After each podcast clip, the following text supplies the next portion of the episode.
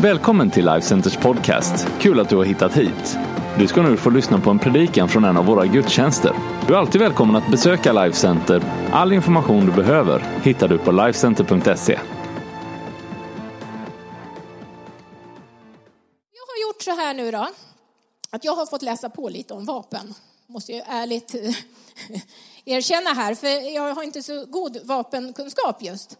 Eh, men ett vapen kan inte användas hur som helst. Det krävs vapenkännedom. Eh, hur fungerar mitt vapen? Hur ska jag använda det? Hur ska jag hantera det? Ett vapen, ni vet, behöver vårdas. Man skruvar isär ett gevär, man smörjer det. Eh, en pilbåge behöver man liksom byta den här, vad det nu heter, strängen på. Jag höll på att säga stråken, men det är något annat det. Eh, man behöver ta hand om sitt vapen. Eh, man behöver veta var man har sitt vapen. Det är ju inte när, när älgen står där som man börjar liksom leta, var hade jag nu lagt det någonstans? Utan man vet var man har sitt vapen. Eh, och ett vapen i sig är verklöst, utan man behöver ladda det. Om man nu tänker, jag har bara tänkt liksom gevär och jag har tänkt pistoler och så här och man behöver ladda liksom. Och man behöver veta med vad man ska ladda. Det är inte bara att chansa. Eh, men även en pilbåge behöver ju laddas med pilen för att kunna användas. Och jag kommer komma tillbaka till det här att eh, du och jag kan använda oss av de här principerna när det gäller vår bibel. Eh, Hebreerbrevet 4 och 12.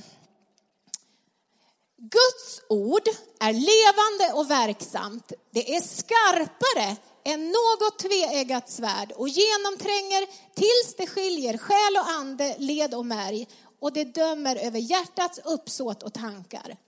Så här säger Bibeln om sig själv. Guds ord är levande och verksamt, det är skarpare än något tveeggat svärd.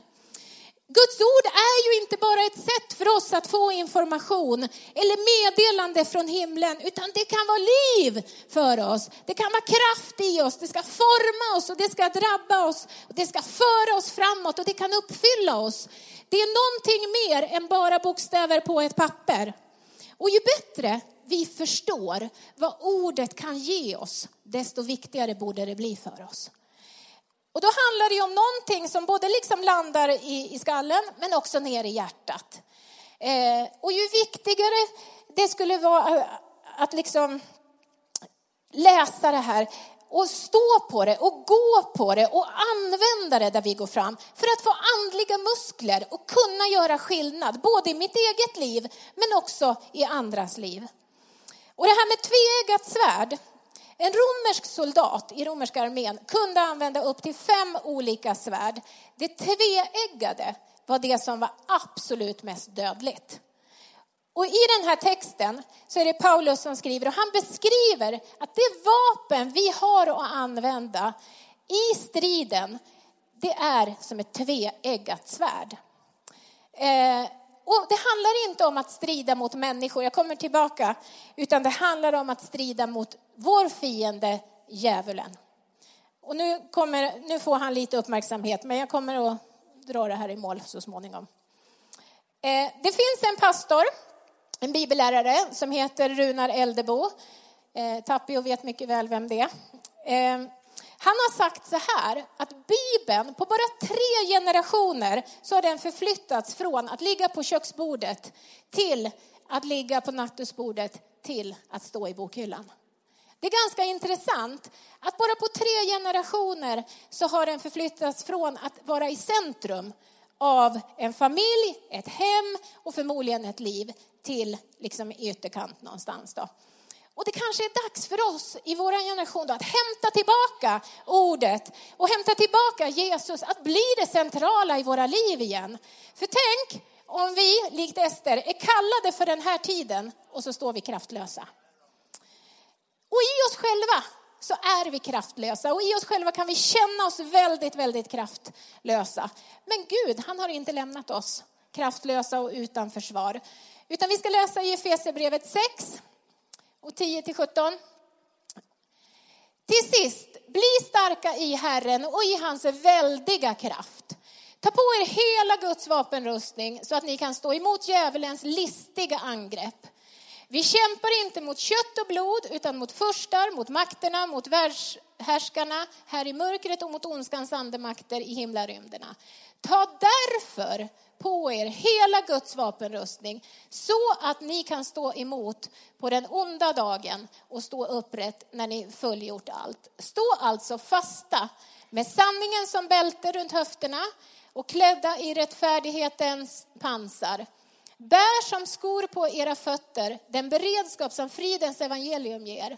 Ta dessutom trons sköld, med den kan ni släcka den ondes alla brinnande pilar. Ta emot frälsningens hjälm och andens svärd, som är Guds ord. Det är bra, eller hur?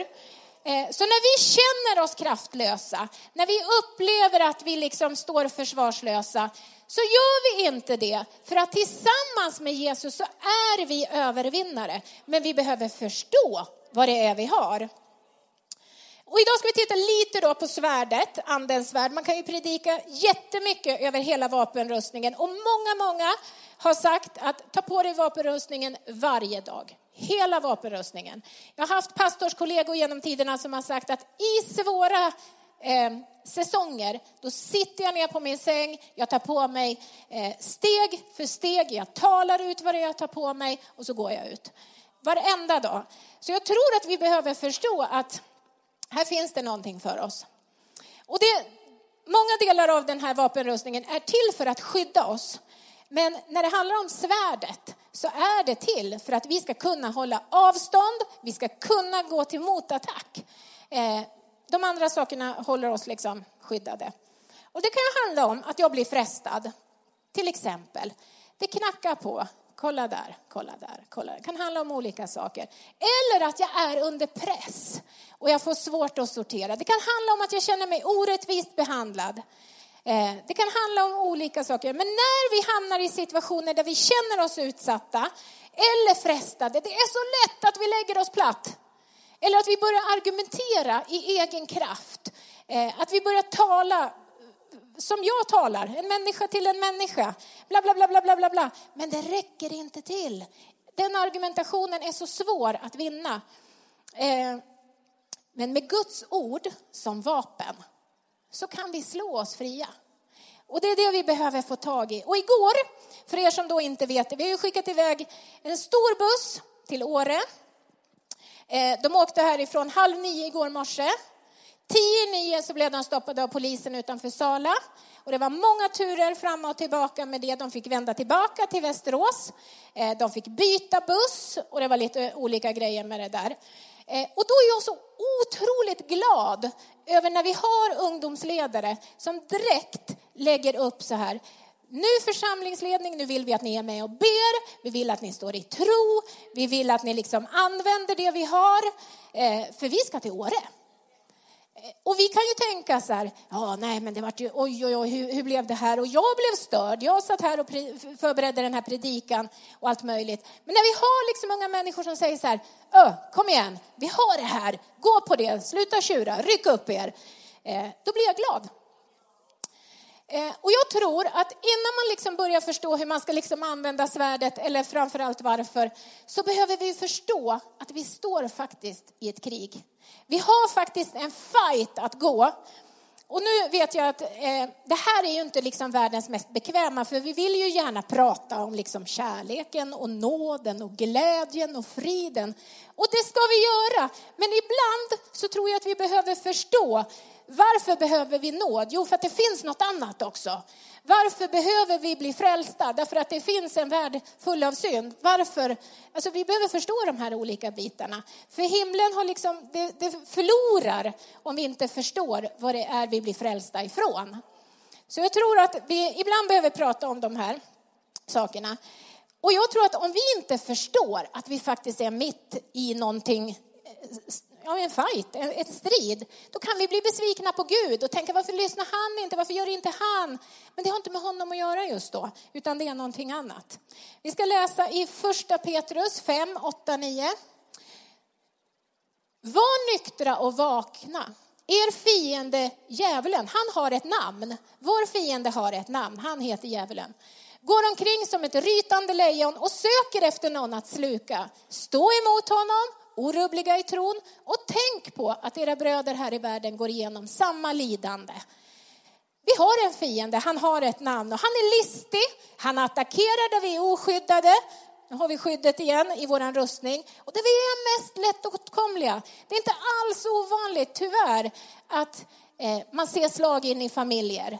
Att man ser slag på barn. Att man ser det som betyder allra mest och där vi kanske ibland står lite, lite oskyddade.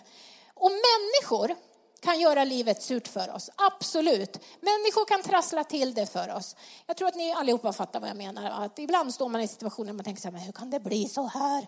Eh, men det är inte det det handlar om. Människor, det står i Bibeln, vi ska be för våra fiender, vi ska liksom välsigna dem. Det får vi lära oss. Att det ingår liksom i, i, i våra liv. Men det här är på en annan nivå.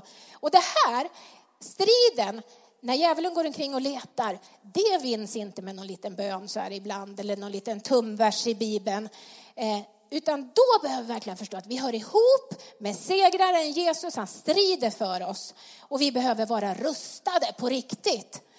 Och ibland så tänker jag på en bild av ett barn. Om jag tittar på min grabb till exempel. Jag menar, när han var liten, man skyddar ju dem från allt liksom. Man vill ju inte att det ska hända dem någonting.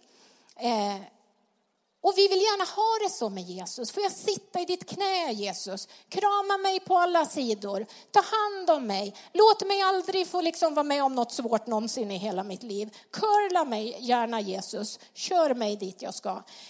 Men jag är ganska övertygad om att ju mer vi går med Jesus, Eh, ju, ju, längre vi lever våra liv tillsammans med honom, desto mer utmanar han oss. Desto mer vill han att vi ska gå ut i den större eh, bilden. Desto mer vill han att vi ska kliva ut i svåra eh, områden. Desto mer ansvar vill han att vi ska bära.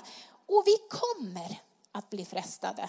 Och vi kommer att bli prövade och utsatta. I'm sorry, jag önskar att jag sa så här, det kommer aldrig att ske. Men det är inte sant. Utan det kommer att hända. Men vi måste inte förlora. Nej. Eh, och om vi förlorar en strid så beror det faktiskt inte på Jesus. Dumma Jesus som inte hjälpte mig. Nej, utan det beror på mig. Det beror på att där står jag utan rustningen. Nu tog jag inte på mig den. Nu var jag inte förberedd och så blir jag överrumplad och slagen. Eh, och det kan ju faktiskt då bero på att vi inte riktigt fattar fattar vad det är vi slåss emot. Jag slåss inte liksom mot min granne eller mot jobbakompisar eller vad det nu kan vara, utan jag slåss mot någonting som är på en annan nivå. Eh, och jag tycker inte alls att vi behöver skrämma upp varandra, det är inte det det handlar om. Eh, men vi behöver ändå förstå att det är på riktigt. Eh, och så finns det de, och jag skulle gärna vilja liksom få hjälpa dig lite. Det finns ju de som ser djävulen liksom i varje buske hela tiden. Och jag tror inte riktigt på det. Alltså ibland så tror jag att vi kan tänka så här, fast det är livet liksom. Man, allt som händer som är liksom en, en sten i skon, tror inte jag är från djävulen. Utan jag tänker att det finns liksom någonting som handlar om attack, det finns något som handlar om prövningar och så finns det det här som är liksom livet lite grann. Eh, och det finns en risk att om vi tror att det hela tiden är den onde som knackar på så kan vi ju liksom ha svårt för andra människor till slut. Va? Man ser liksom, man blir krigisk.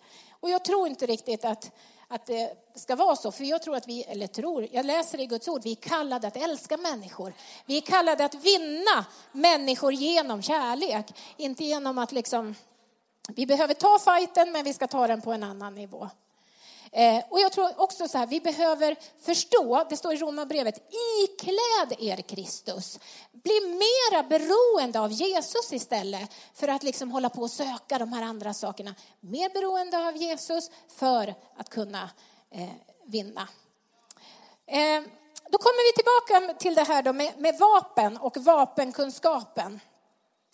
Eh, och då har jag försökt att bena ner det lite grann. Och man behöver ha en god vapenkunskap. Om vi ska kunna använda Guds ord som det är tänkt, då behöver vi vara hemma i ordet. Alltså vi behöver ju veta vad som står. Eh, och det gör vi inte om vi tar en liten vers ibland. Eller bara det här dagens bibelord som flashar upp liksom på våran app. Utan det handlar ju om att läsa och bläddra eh, och jobba liksom. Och ju mer vi läser, ju mer vi förstår, desto mer uppenbaras ju för oss om rätt och fel, synd och rättfärdighet, vägen vi ska gå på. Och det finns ju massor med saker, det vet ju ni också, som ser så bra ut, men som inte är rätt. Men det uppenbaras för oss, ju mer vi läser så kommer det här så småningom. Jag tänker många gånger så här att det står eh, i, i The Message så finns det, nu vet jag inte vad det står, men en, en översättning som är så bra där det står liksom Jesus förvandlar inifrån och ut. Alltså ibland så behöver vi bara ha lite lugn och ro över det. Fortsätt att läs, fortsätt att läs, fortsätt att läs. Så kommer det uppenbaras för oss. Men när det är uppenbart, då är det upp till mig att säga, det här ska jag bevara i mitt hjärta, det här ska jag inte bevara i mitt hjärta. Det här ska lämna mig, för det här har jag fått syn på att det här är inte bra, det jag håller på med. Och då kan man tänka så här, innan vi klär på oss på morgonen, vad gör vi? Ja, men vi ser ju till att vi är nyduschade eller åtminstone lite småfräscha liksom innan man tar på sig kläderna. Och samma sak när vi tar på oss rustningen. Börja med att se till att det är rent. Börja med att bekänna eventuell synd för Jesus Kristus så förlåter han oss för att vi ska kunna ha kraft i det vi gör. Ehm, mm. Sen kommer man till det här med att vårda sitt vapen. Ehm, du och jag, vi har alla möjligheter i världen eh, att vara goda bibelläsare. Alla möjligheter.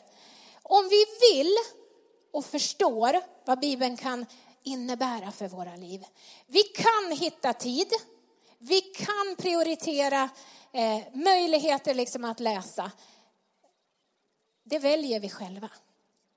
Eh, vi kan vistas i miljöer där bibelordet i oss får växa. Till exempel i Connecten, superbra. Till exempel i gudstjänst, superbra. Eh, men vi kan också låta bli. Men vi kan vårda det vi läser. Eh, och jag tänker också så här då, att man, man eh, har sitt vapen i ett vapenskåp och jag antar att man inte har en, en sån här, vad heter det, sån där, jag har glömt vad det hette, sån där. Pilbåge, ja. Det var, det var bara tomt. Jag slangbella, slangbella, slang. Nej, pilbåge. Jag tänker att man har väl inte den liksom hänger i hallen heller, utan man har säkert den liksom i någon slags vapenskåp också. Eh, och likadant är det med det jag läser i Guds ord. Var förvarar jag det någonstans? Inte bara Bibeln. Om vi nu tycker att det är bra att vi har Bibeln framme, men var förvarar jag det som jag har läst? Eh, jag kan läsa och det kan fladdra förbi och jag kan liksom läsa mina 500 ord och sen så kan jag läsa min Facebook och så kan jag läsa min Instagram och så kan jag läsa Expressen och så kan jag läsa det och så kan jag läsa det. Eh, och det står att Guds ord återvänder aldrig fåfängt i och för sig. Men jag tror också att vi kan läsa på ett annat sätt. Vi kan läsa och vara rädda om det som vi läser. Vi kan stoppa ner det i vårt hjärta. Vi kan bevara det där så att vi vet var det finns någonstans när det är dags att plocka upp det.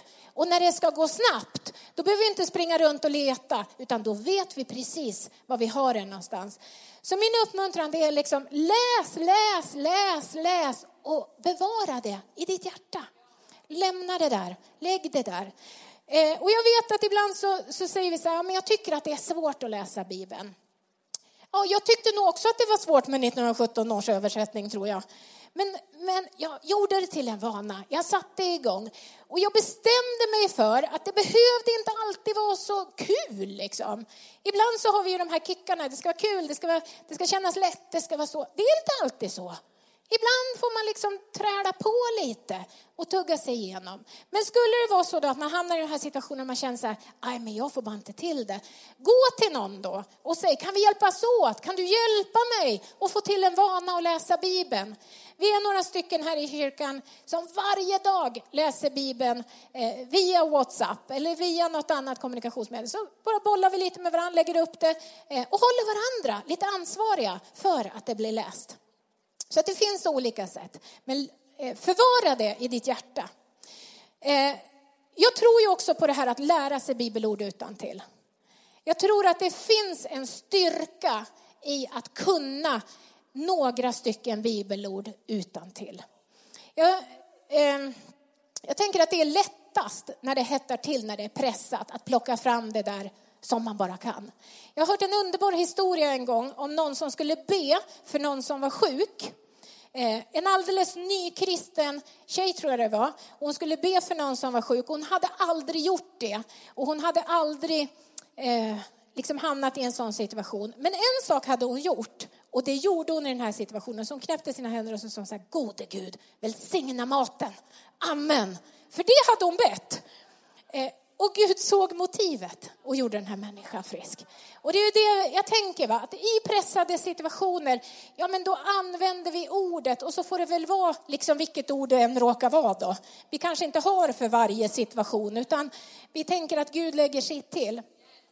Eh, våra, våra fina härliga vänner Daniel och Paulina Brolin, eh, de satt kidnappade någonstans borta i Tjetjenien eh, i de trakterna för 19 år sedan. Eh, de var unga och jag vet att när de blev kidnappade så sa Daniel så här till Gud, två saker begär jag. Jag begär min fru och jag begär min bibel. Eh, det blev lite så här tårögd känner jag. Eh, men sen satt de i en håla i ett halvår och i den här hålan så var det ljust lampa ibland och sen så kunde det vara mörkt ett dygn och sen var det ljust igen. Och när det var ljust, då läste de och läste och läste och läste och läste och läste och läste i sin bibel. Eh, för att mata sig, för de visste att sen är det mörkt. Så de bara mata på, mata på, mata på. Eh, och tror du att de kände sig utsatta? Förmodligen. Och jag menar, på hemmafronten så var det ju människor som stred för dem, liksom, på riktigt, verkligen kamp. Eh, när, när de kom hem sen, efter ett halvår ungefär, så jobbade Daniel och jag ihop. Han kunde citera hela Efesierbrevet, från början till slut, kunde han utan till. Det är en styrka, eller hur? Och bara kunna använda och bolla tillbaka. Eller när du sitter med en vän som är i en pressad situation eller som behöver hjälp att då faktiskt veta att nej, men det finns, jag vet att det här bibelordet har jag läst, det är till dig. Och vet du inte riktigt vad det står så har vi ju då den nya tekniken idag som kan hjälpa till. Men liksom att faktiskt veta att de här grejerna står i det här. Och inte bara, nej, jag vet inte. Mm. Matteus 4 ska vi läsa om när, när Jesus frestas. Sen fördes Jesus av anden ut i öknen för att frestas av djävulen. När han hade fastat i 40 dagar och 40 nätter, här har vi svårt att få ihop en halv dags fasta, eh, blev han till slut hungrig. Då kom frestaren fram och sa till honom, om du är Guds son, så befall att de här stenarna blir bröd. Jesus svarade, det står skrivet. Människan lever inte bara av bröd, utan av varje ord som utgår från Guds mun. Då tog djävulen med honom till den heliga staden och ställde honom på tempelmurens krön och sa, om du är Guds son, så kasta dig ner. Det står ju skrivet, han ska befalla sina änglar och de ska bära dig på sina händer så att du inte stöter din fot mot någon sten. Jesus sa till honom, det står också skrivet, du ska inte fresta Herren din Gud. Sen tog djävulen med honom upp på ett mycket högt berg och visade honom världens alla riken och deras härlighet. Och han sa till honom, allt detta ska jag ge dig om du faller ner och tillber mig. Det är alltså djävulen som säger till Jesus, om du tillber mig, då får du det här. Då sa Jesus till honom, gå bort Satan, det står skrivet, Herren din Gud ska du tillbe och endast honom ska du tjäna. Då lämnade djävulen honom. Det här är fantastiskt tycker jag. Jesus är fysiskt svag, vi kan vara fysiskt svaga. Eh, och då kommer djävulen, som ett brev på posten. Eh, och Jesus han hade ju kunnat argumentera, men hallå jag är Guds son. Hallå, du vet vem jag är. Backa undan, du har sett vad jag har gjort och så vidare. Men det enda han gör det är att citera bibelord. Och Jesus hade inte i den här situationen tror jag. Massa rullar under armen som han höll på liksom och bläddrade i. Utan han kunde det här. Han hade läst det, han hade eh, bevarat det, han hade koll på det och när det behövdes då kunde han liksom säga det här står skrivet. Eh, och när djävulen har försökt fyra gånger så står det så lämnade djävulen honom. Alltså det, han var övervunnen. Eh, och de behövde inte slåss, det var inte fysiskt. Eh, och det behövdes egentligen ingen argumentation heller, utan det som behövdes, det var Guds ord. Och då ser vi igen ifrån Hebreerbrevet att ordet är levande och verksamt. Här var det verksamt, eller hur? Så kommer vi till att ladda vapnet då. När vi läser i Bibeln så kan vi ju läsa och läsa och läsa och läsa och läsa och inte förstå. Eh, men vi behöver be den helige ande om att ge oss eh, guidning, att ge oss förståelse för vad vi läser, att ge oss ljus på, på det här. Hur det, och jag tycker att det är så otroligt viktigt att vi förstår hur är det här mitt? Eh, löftena gäller mig, och nu börjar jag spotta, då vet ni, jag går åt det här hållet. Löftena, de gäller mig. Riktningen är utpekad för mig. Exemplen i Bibeln, de har fått hjälpa mig. Och de här sakerna behöver vi be den helige ande om. Lys på ordet så att jag förstår vad det kan hjälpa och göra för mig. Och när vi läser Bibeln på det sättet, det är då vi har kommit så långt så att vi känner att jag kan inte vara utan. Jag kan inte låta bli. Jag kommer att förlora så mycket om jag, om jag inte läser, om jag inte gräver. Vi kommer att behöva liksom läsa olika översättningar, vi kommer att behöva gräva. Ibland så läser jag en bibelbok från början till slut och sen börjar jag om och så läser jag ett kapitel och så mm, matar jag mig med det och så tar jag nästa och så håller jag på sådär. Eh, för vi behöver göra på olika sätt. Vi behöver ta kanske bara en bibelvers och bara meditera liksom över den. Eh, och vi behöver förstå att det är till för att hjälpa mig och leda mig. När Petrus går på vattnet, eh, när han helt plötsligt börjar sjunka, Eh, är det för att han tittar på stormen och stormen blir större än möjligheterna han har. Och hur många gånger är det inte så för mig? Men kommer jag ihåg den berättelsen då? Har jag haft ljus över att det där gäller ju mig? Jag kan inte titta på mina omständigheter, jag måste titta på Jesus. Jag kan inte låta omständigheterna bli för stora, jag måste ha koll på Jesus. Det är när jag tar min blick från Jesus och tittar på något annat, det är då det skiter sig helt enkelt. Eh. Sen finns det andra saker naturligtvis också som handlar om liksom att gå till attack. Eh, och det är ju en annan sak. Här handlar det mer om att liksom ha koll på att hålla, hålla avstånd. Men det är klart att någon gång ibland så behöver vi också gå ut på minerad mark. Och det här är ju, det kan man ju känna så här. Eh, eh. Men när du och jag ska gå ut där det ligger minor, det gör man inte oförberedd. Man traskar inte ut och håller tummarna och hoppas liksom. Eh, utan man går förberedd. I Markus 3 och 27 så står det så här. Ingen kan gå in i den starkes hus och plundra honom på det som är hans utan att först binda den starke. Sen kan han plundra hans hus. Om du och jag ska gå ut och hämta någonting som är förlorat, då går vi i Jesu auktoritet, då är vi iklädd honom, då är vi påklädd rustningen och så går vi på ett bibelord, till exempel, jag och mitt hus, vi ska tjäna Herren. Jag går ut och hämtar hem en förlorad unge, för jag och mitt hus, vi ska tjäna Herren.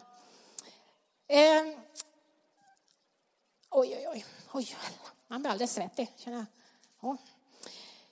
Och när vi sa det här i början då, om det här med att Bibeln har gått från att ligga på köksbordet till nattduksbordet till att kanske försvinna in eh, i bokhyllan så tror jag att det ligger en sanning i det. Att liksom föra tillbaka det här till mitt mitten av våra familjer. Och en del jobbar absolut så, men en del kan nog känna att man skulle nog liksom behöva det här lite mera. Preppar vi våra ungar med bibelord? Matar vi dem liksom med möjligheter att använda det här i sin vardag? När vi träffas som Connect, talar vi ord av liv? Talar vi ord av uppmuntran? Eller talar vi lite om enskilda personer kanske? Till och med lite om församlingen kanske? Eh, vi har ett uppdrag och det är att tala liksom det som är ord och liv och möjligheter och framtid. Något annat ska vi inte hålla på med. Och vi har ett uppdrag och det vet ni allihopa. Eh, vårt uppdrag det är att vinna människor och göra lärjungar och så många som möjligt. Och ska det vara möjligt för oss, då måste vi vara starka. Då måste vi förstå vilka vi är i Jesus Kristus, vad vi har i honom. Och då vet vi att allt förmår vi honom som ger oss kraft. Allt! Och vi kan gå i hans auktoritet och vi kan, som det står i första Johannes 4 och 4, står det så här. Ni kära barn är från Gud och har besegrat dem. Ja, det handlar om lite före där. För han som är i er är större än den som är i världen. Och då kan vi gå ut och vinna stora segrar och hämta in massor med människor till Guds rike. Men vi behöver förstå vad vi har i det här. Så om du och jag vill leva det här stora, övervinnande livet, eh, inte det lilla, inte det smala, inte det liksom, oh hjälp. Eh, och jag tror egentligen inte att någon, nu blir det lite raljerande, det är klart att ingen vill, utan vi vill ju leva det här livet, eller hur? Då behöver vi förstå att vi behöver läsa Guds ord, vi behöver mata oss med det. Vi behöver gör, be den helige Ande att göra det till vårt, uppenbara Jesus för oss. Och när svårigheter kommer, för de kommer, tyvärr. Jag önskar att jag kunde säga att nej, det kommer aldrig att hända. När svårigheter kommer, när frestelse kommer, när utsatthet kommer, när misslyckande kommer, så kan man tala till dem man kan tala in i sin egen situation med hjälp av det som man har läst. Med hjälp av det som man har hört. Med hjälp av det som man har upplevt. Och ge dig inte. Citera högt, skriv upp. Håll på liksom, ge dig inte. Och skulle det vara så att vi faller upp igen. Vi behöver inte lägga oss ner utan upp igen.